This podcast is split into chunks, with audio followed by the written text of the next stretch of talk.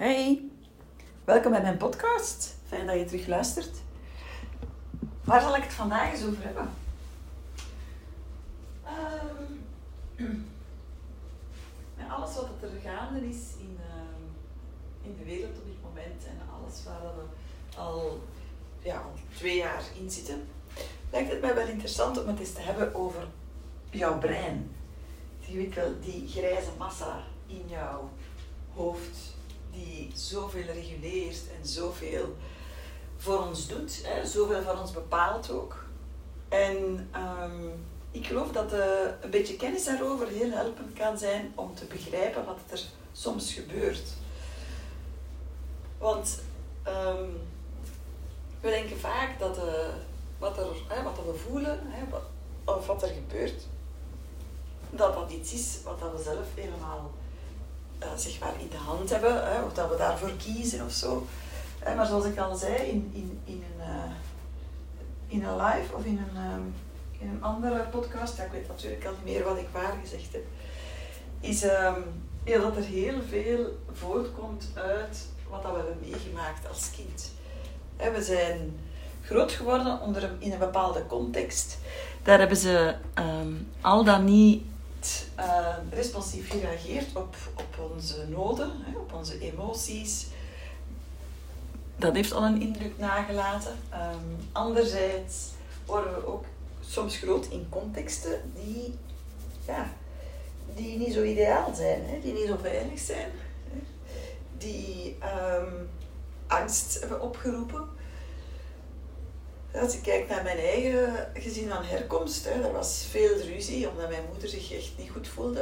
Ik kan dat nu wel zien, uh, maar dat zorgde wel voor veel onveiligheid. En, ja, en ik kon daar dan ook nog eens niks over zeggen. Ik weet wel dat ik uh, stokstijn in mijn bed lag en uh, hoopte dat het vandaag, die dag, dan niet zo erg zou zijn. Maar kleine en grote dingen um, hebben eigenlijk invloed op, En dat dragen we uh, stuk mee, want dat wordt natuurlijk opgeslagen in onze, in onze hersenen. Hè, en onze, ons, ons reptiele brein, feitelijk, hè, is, uh, is daardoor vaker gealarmeerd dan dat je misschien zelf beseft. Nu, in een uh, volledige staat van rust, ja, is, ervaren we dat ook als dusdanig. Um, je, je bent gewoon kalm. Um, al je spieren zijn ontspannen, je lichaam ontspannen. En je hebt geen verhoogde alertheid. Je kan de zaken waarnemen, je hebt ook volledige toegang tot jouw uh, rationeel brein. Hè. Dat is wel belangrijk, dat, dat zie je ook. Um, bijvoorbeeld, uh, je kan heel goed uh, reguleren, je kan goed perspectief zien, hè. je weet, oké. Okay, uh, dat, dat je veilig bent. Je, je, putten uit vorige ervaringen, kan je emoties reguleren. Dat is allemaal optimaal op zo'n moment. Zo'n momenten hebben we allemaal, hoop ik toch. Um, maar die staat van kalmte kan redelijk, redelijk snel hè, um, omslaan. Niet zozeer in een, in een staat van alertheid, uh, niet een staat van, van, van stress, maar wel naar een staat van alertheid. En dat ken je bijvoorbeeld, je zit rustig uh, met je kinderen bijvoorbeeld in de speeltuin, de zon schijnt, iedereen is zich aan het amuseren en opeens, ja, je kind valt, ja, begint te huilen. Dat kan al een staat van alertheid uh, naar boven brengen. En dat gaat eerst altijd, alles wat we meemaken gaat eerst via het reptiele brein. Hè. En uh, dan gaan we dat reguleren en dan gaan we verbanden zien en dan kunnen we uiteindelijk kunnen we dan onze, ons rationeel brein orde roepen om te kijken naar wat er nodig is. Nu, dat is belangrijk dat je dat onthoudt. Hè, dat alles eigenlijk binnenkomt langs, u, langs dat reptiele brein. En je weet, het reptiele brein is ook verantwoordelijk voor de flight, fight, um, flight, fight, uh, vluchten, vechten, um, vluchten, vechten, freeze, hè, flight, fight, freeze. Maar mijn uh, rationeel brein is nog niet goed wakker, precies. En uh, ja, ook het pleasen, hè, daar, uh, daar hebben we het ook al over gehad. Um, Dus het is belangrijk dat je dat beseft, hè, dat alles, al je ervaringen, eerst langs dat stukje van je brein komt. En uh, oké, je kind valt, hè, dus je gaat er dan naartoe. Hè. In eerste instantie ben je gewoon alert en denk van oké, okay, dat zal wel, zal wel niks zijn. Maar dan zie je opeens van oei, oei, dat is hier precies toch wel wat erger dan, dan, dan ik dacht. Hè. Je ziet dat je kind niet meer reageert. Hè. Je ziet uh, dat er iets heel ernstigs is. Hè. Beetje bij beetje hè, voel je dat je, ja, dat je, dat je uh, schrik krijgt van ai, wat moet ik doen? Hè. Als je kind dan nog hè, uh, blauw wordt of buiten, buiten bewustzijn geraakt, hè, je gaat voelen gaandeweg hè, dat je meer en meer in een soort van alertreactie geraakt, paniekreactie geraakt. Een reactie waar dat je op zich niet zoveel, um, ja, lijkt het in eerste instantie, niet zoveel vat op hebt. En we kennen die gradaties van uh, opgebouwde spanning heel, heel erg. Denk maar aan um, als je ooit uh, getuige bent geweest van een overval of je hebt je ooit heel bedreigd gevoeld. En dan schiet je echt naar, naar die naar die extremere um, reacties. Hè, omdat jouw, jouw reptiele brein gaat dat eerst gaan checken. Hè. Is het hier veilig? Ja, is het hier veilig? Um, moet er uh, extra uh, stresshormonen gestuurd worden naar het systeem? Hè, wat gebeurt er precies? En in hele um, extreme situaties kom je natuurlijk in een paniekreactie terecht. Hm? En die paniekreactie ja, gaat ervoor zorgen dat je echt uh, alles gaat mobiliseren om uit de situatie te geraken. En dat is voor hele uh, ja, kleine of schijnbaar kleine dingetjes is dat zo. Um, gebeurt dat zo. Maar denk maar aan bijvoorbeeld um, een ruzie met iemand. Een ruzie met iemand dat kan jou in, in een of andere staat brengen. Als je rustig kan blijven en jezelf kan reguleren en jouw uh, reptiele brein denkt niet dat er iets aan de hand is, hè, dat je goed kan gronden en dat je kan blijven ademen en omdat je voelt van veilig, dat niks overkomen en je wordt graag zien, en dan gaat het veel, veel makkelijker zijn om in die staat te blijven dan als jij uh, op zo'n moment uh, alerter wordt, als er iets wordt wakker gemaakt van vroeger. Hè, stel dat je bent grootgebracht in een gezin waar er veel ruzie was, dan kan zo'n ruzie um, veel meer wakker maken bij jou dan dat je zelf beseft. En misschien weet je dat allemaal niet meer. Hè? Misschien weet je niet meer van hoe dat, dat thuis geweest is, of dat je misschien een negatieve ervaring, ervaring hebt gehad. Maar jouw brein weet het wel nog niezen. Ja, je brein weet het wel nog en je brein gaat het op een bepaald moment gewoon overnemen. Want jouw brein denkt, oh, onveiligheid. Natuurlijk, waarom is dat? Omdat je natuurlijk als kind veel meer nood hebt aan veiligheid. Dat je, je bent gevangen, je kan niet zomaar weg. Je hebt geen tools. Je hebt net uh, de personen die moeten zorgen voor veiligheid, die zijn er niet. Um, dus die imprint daarvan, die zit natuurlijk in je brein.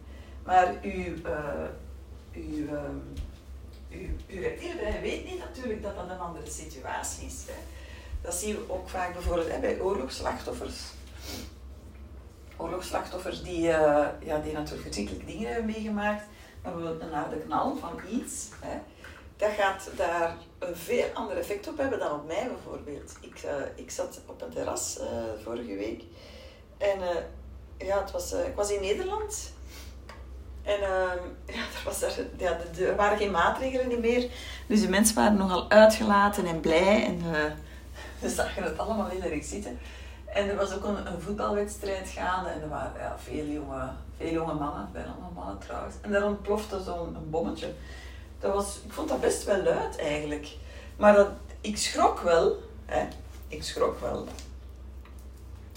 Maar het eerste wat ik het eerste wat ik deed was uh, rond mij kijken en ik zag, ja, oké, iedereen blijft rustig zitten, dus ik neem aan dat het geen, geen echte bom was, hè, dat er niks alarmerends aan de hand was.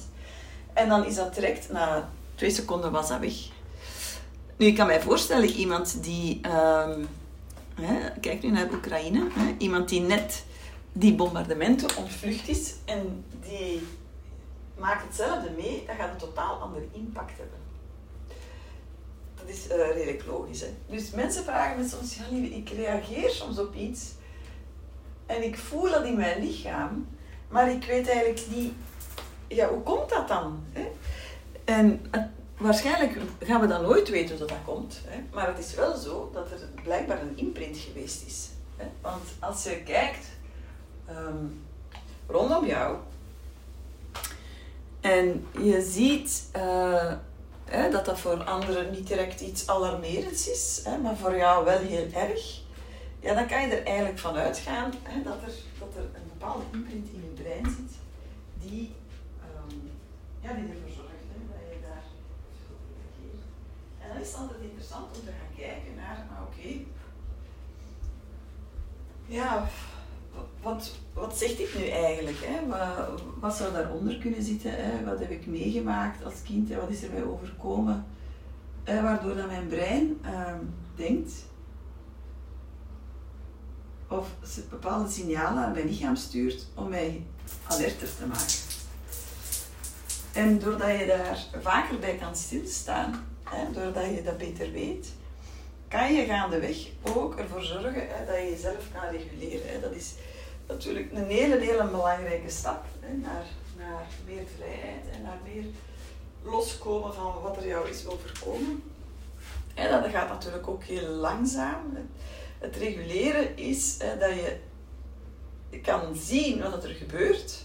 Hè, en dat je jezelf, het zij met iemand anders, het zij zelf, kan reguleren en kan, ja, kan rustiger worden. Eh, ik wil daar eh, even een persoonlijk verhaal aan koppelen. Ehm, ja, dat is iets wat aan mij, wat aan mij enorm ge- geraakt heeft. Het is een heel persoonlijk verhaal ook. Ehm, zoals je misschien gehoord hebt in een vorige podcast, heb ik een, eh, vorig jaar een ehm, Tantra Week gedaan. Dat was mijn inleiding binnen de Tantra. Grote groep, dus ik had 24 deelnemers, vijf begeleiders of vier begeleiders. En dat was een hele extraverte groep. En ehm, ja, ik heb dat in die vorige podcast ook kort verteld, denk ik. Eh, maar er was dus een, een oefening. dat maakte deel uit van een grotere structuur, een grotere oefening. In elk geval, we moesten rondlopen in de zaal. En we moesten groepjes maken. En we moesten dat intuïtief doen. En ik voelde... Ik voelde eigenlijk redelijk snel dat ik stokstijf bleef, staan. En ik, en ik dacht daar niks bij. Ik bleef gewoon staan. En het resultaat was dat ik met drie mannen in de groep zat. Wat ik eigenlijk helemaal niet wou.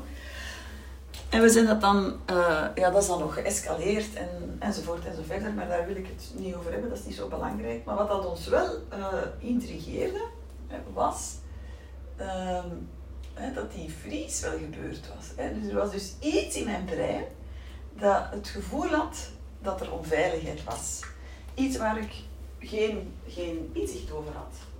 Want dat was eigenlijk nog maar de eerste keer gebeurd, dacht ik. Hè. Het was zeker de eerste keer dat het zo duidelijk was. En eh, ja, die vries is ook iets bij mij eh, in zo'n situatie. eh, dat dat, je ziet dat, ik voel dat heel erg in mijn lichaam, maar je ziet dat aan mij niet. Je ziet niks aan mijn gezicht.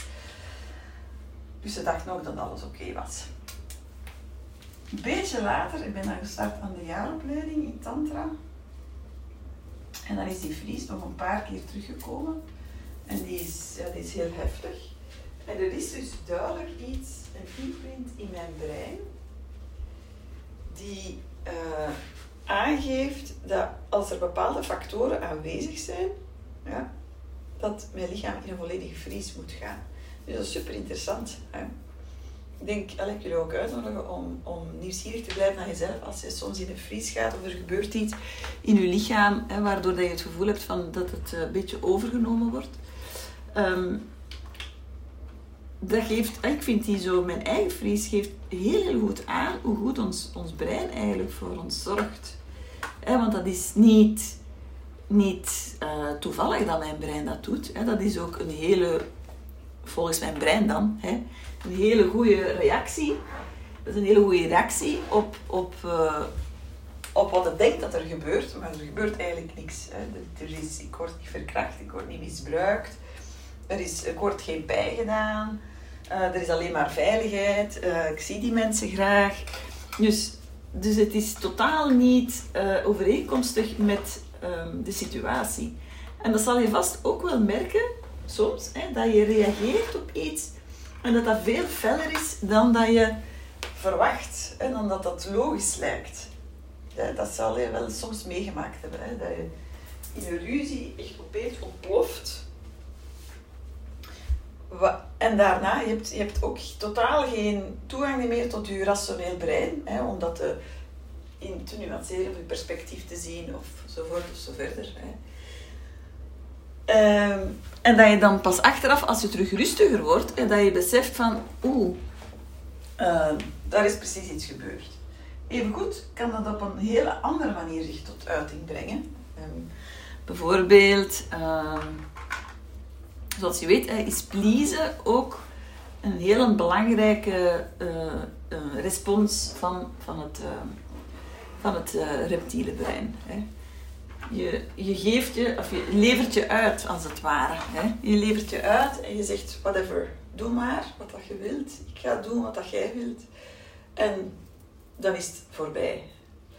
Dat is een hele extreme vorm van pleasen, maar het is wel ook een die heel belangrijk is. En die we toch alsmaar meer in, in, in rekening moeten nemen. Bijvoorbeeld, stel dat jij... Uh, um, in een situatie komt, um, op het werk bijvoorbeeld, hè, dat je het gevoel hebt dat je je onveilig voelt of dat je, er te veel druk op jou wordt gelegd. Hè, je bent bang om uh, te falen en dat, en dat stijgt. Je komt echt in een soort angst um, of in paniek terecht. Ja, op een bepaald moment kan het zijn dat je je gewoon helemaal overgeeft. Aan wat dan ook. En dat het er allemaal niet meer toe doet. En dat je wegcijfert. En dat je gewoon kijkt van, wat willen ze hier eigenlijk van mij? Oké, whatever. Ik zal het wel doen. Maar evengoed, uh, ja, in relaties zien we dat vaak. Hè. In relaties zien we vaak hè, dat je nog liever um, jezelf overgeeft aan wat dan ook. Aan seks bijvoorbeeld. Of... Uh, of aan aanraking of iets anders, dan, um, dan ervoor te gaan vechten om het niet te doen. Ik vind dat pleasen is, uh, wordt zwaar onderschat en is zeker, een, um, is zeker iets om te onderzoeken bij jezelf. Als je vaak pleest en je hebt de neiging om anderen veel comfort te geven, of je hebt de neiging om jezelf weg te cijferen, dan moet je eens onderzoeken bij jezelf hoe rustig dat je eigenlijk bent. of dat je wel, uh, of dat je wel rustig bent. En of dat het niet geen traumarespons is.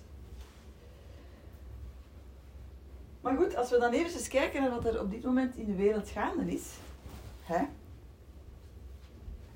En al zo lang gaande is.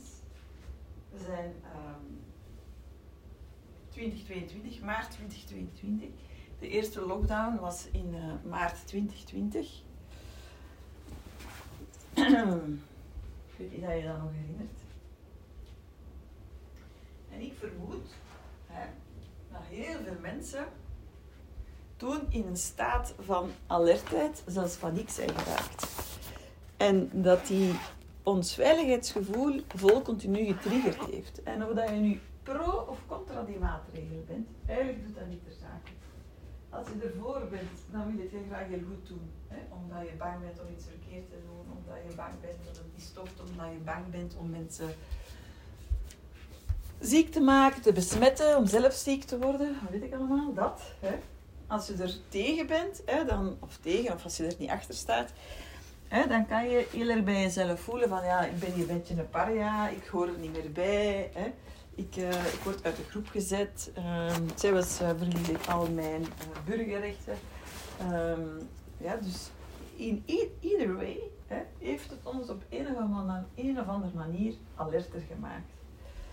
En dat is natuurlijk wel heel interessant, want dat wil dus zeggen dat je misschien al twee jaar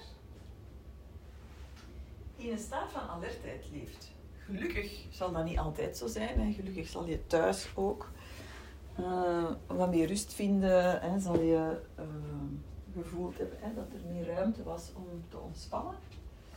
Maar toch, elke keer als je dan ergens komt, elke keer als je dat mondmasker opzet, elke keer als hè, de oproep komt om je te laten vaccineren, elke keer als je hoort van dat je in quarantaine moet, elke keer als je hoort dat er iemand positief getest is, hè, elke keer opnieuw wordt je wel geactiveerd. Dan wordt je brein geactiveerd. En het is, ik zie dat voor veel mensen het moeilijk is om dat te reguleren. Veel mensen weten ook niet hoe dat, dan moet gereguleerd worden. Veel mensen weten eigenlijk niks hè, over, over het brein, laat staan over angst, laat staan over regulatie of co-regulatie. En uh, ik denk dat het heel belangrijk is dat je voor jezelf echt eens gaat kijken naar, ja, wat doe ik op dit moment om ja, om mezelf te reguleren, om mijn hartslag laag te houden, om ervoor te zorgen dat ik diep adem. Ja, hoe, hoe veilig voel ik mij eigenlijk?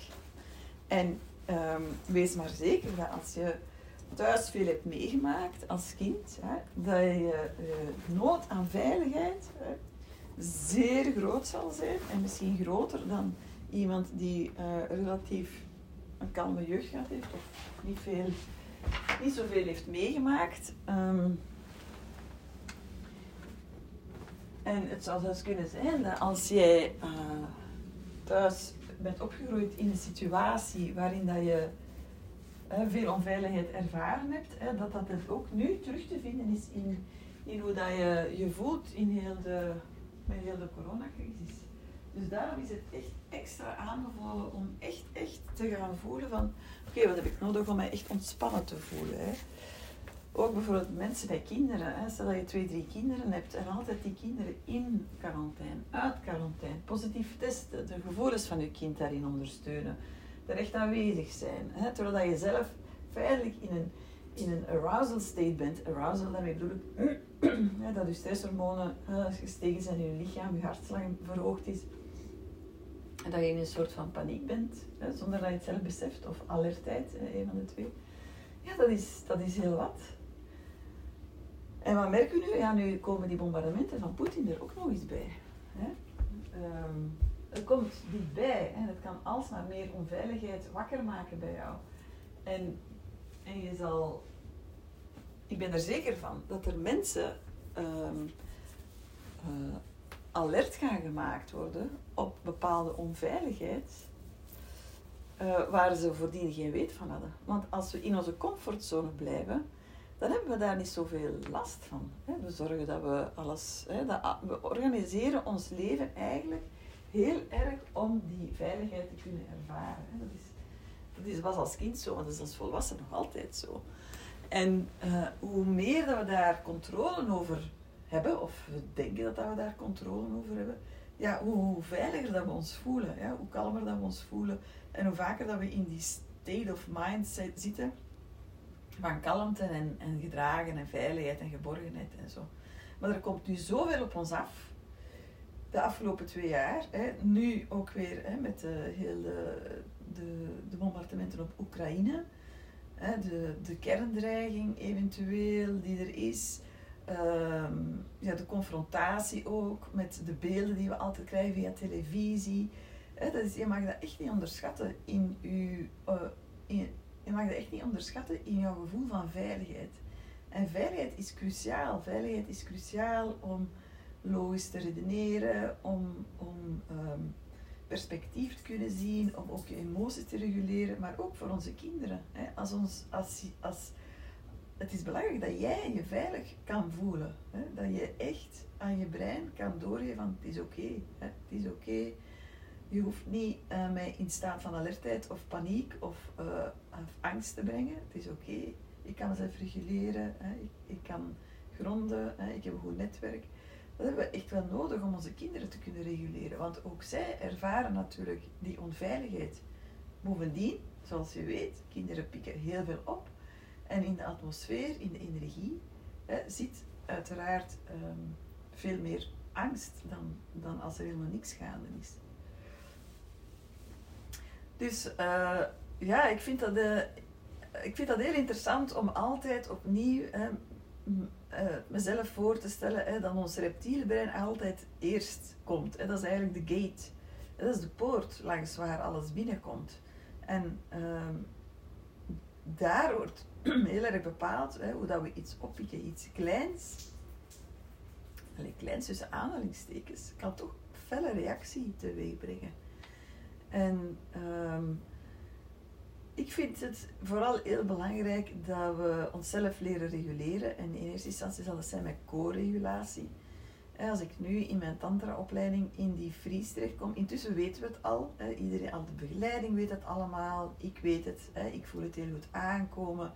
Dus we kunnen dat meer en meer reguleren. Dat is belangrijk, omdat eh, mijn brein, mijn reptiele brein althans, ehm, ja, minder, uh, zal ik het zeggen, er minder vat op gaat hebben. De regulatie die erop volgt, die, wordt een soort automatisme. En dat is iets wat ik mezelf kan aanleren. Wat ik, hè, wat ik nu bezig ben. Ik heb daar in mijn dagdagelijkse leven geen last van hoor. Ehm, maar in die zitting blijkbaar wel, omdat dit toch wel heel specifiek is.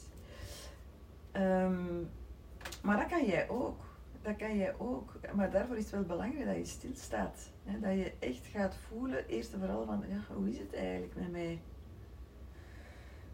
Ah, dat je ademt. Kan je nu ook doen, hè? Eens rustig ademen en eens voelen. hoe kalm voel ik mij eigenlijk? Hè? En probeer dan maar eens op een schaal van 0 tot 10 te zetten. Is je hartslag rustig? Is je ademhaling rustig? ja, hoeveel spanning voel je in je gezicht, je ogen, hoeveel spanning voel je in je lichaam. En daar echt eens uh, je focus op te brengen. Hè? Want als je altijd al op een 3 op 10 zit, dan heb je natuurlijk niet veel nodig om op een 8 te geraken. En zeker in onze tijd, die heel woelig is en die enorm uitdagend is, is het echt noodzakelijk dat we daar meer aandacht gaan aan besteden. Want uh, je moet ook snappen, als je dat niet doet, het kan ook zijn dat je gehergetraumatiseerd geraakt. Hè, omdat er... Uh, ja, omdat je, je, brein pikt natuurlijk uh, pikt dat terug op. Hè, en als je in een hele grote onveiligheid komt, ja, dan krijg je eigenlijk een, een, een herhaling van wat er geweest is. En natuurlijk is dat anders, hè, want je reageert natuurlijk op iets op het nu. Um, Hè? Maar in eerste instantie reageerde jouw reptiele brein op iets van vroeger. Hè? Bij is dat ook. Hè? Ik reageer niet op iets in het nu, ik reageer op iets van vroeger. Hè? Maar dat, voor mijn brein voelt dat als iets van nu. Um, dus ja, dus hoe meer dat je jezelf kan reguleren, kan rustig houden, kan ademen, kan gronden, contact met de natuur is heel belangrijk. Al die zaken. Uh, geloof ik dat het uh, heel deugddoend en helpend kan zijn om um, door deze periode te komen. Hè. Beveilig jezelf ook. Kijk geen televisie. Uh, ga niet alles uitpluizen van, van, van wat dat de Poetin aan het doen is, wat er mogelijk boven ons hoofd hangt. Dat heeft eigenlijk geen zin. Het heeft eigenlijk geen zin en je, je, je maakt alleen maar je, je reptiele brein wakker. En uiteindelijk, wat is daar het nut van? Er is geen nut. We kunnen, we kunnen niet alles controleren, we, kunnen, we hebben daar geen vat op. We hebben alleen maar vat op onszelf. En doordat we vat hebben op onszelf, kunnen we ook hè, onze naasten daarin ook heel erg ondersteunen, um, reguleren. Hè. En um, als je kinderen daar vragen over hebben of, of je voelt dat er veel onrust is, ga zelf echt goed reguleren zodanig dat ze zich veilig voelen en geborgen voelen daar hebben wij ehm, echt veel, ehm, veel impact op. Zo, dat mag ik jou meegeven vandaag. Ik hoop dat, het, dat je het interessant vond. En uh, indien niet, dan hoor ik jou graag morgen. Bye!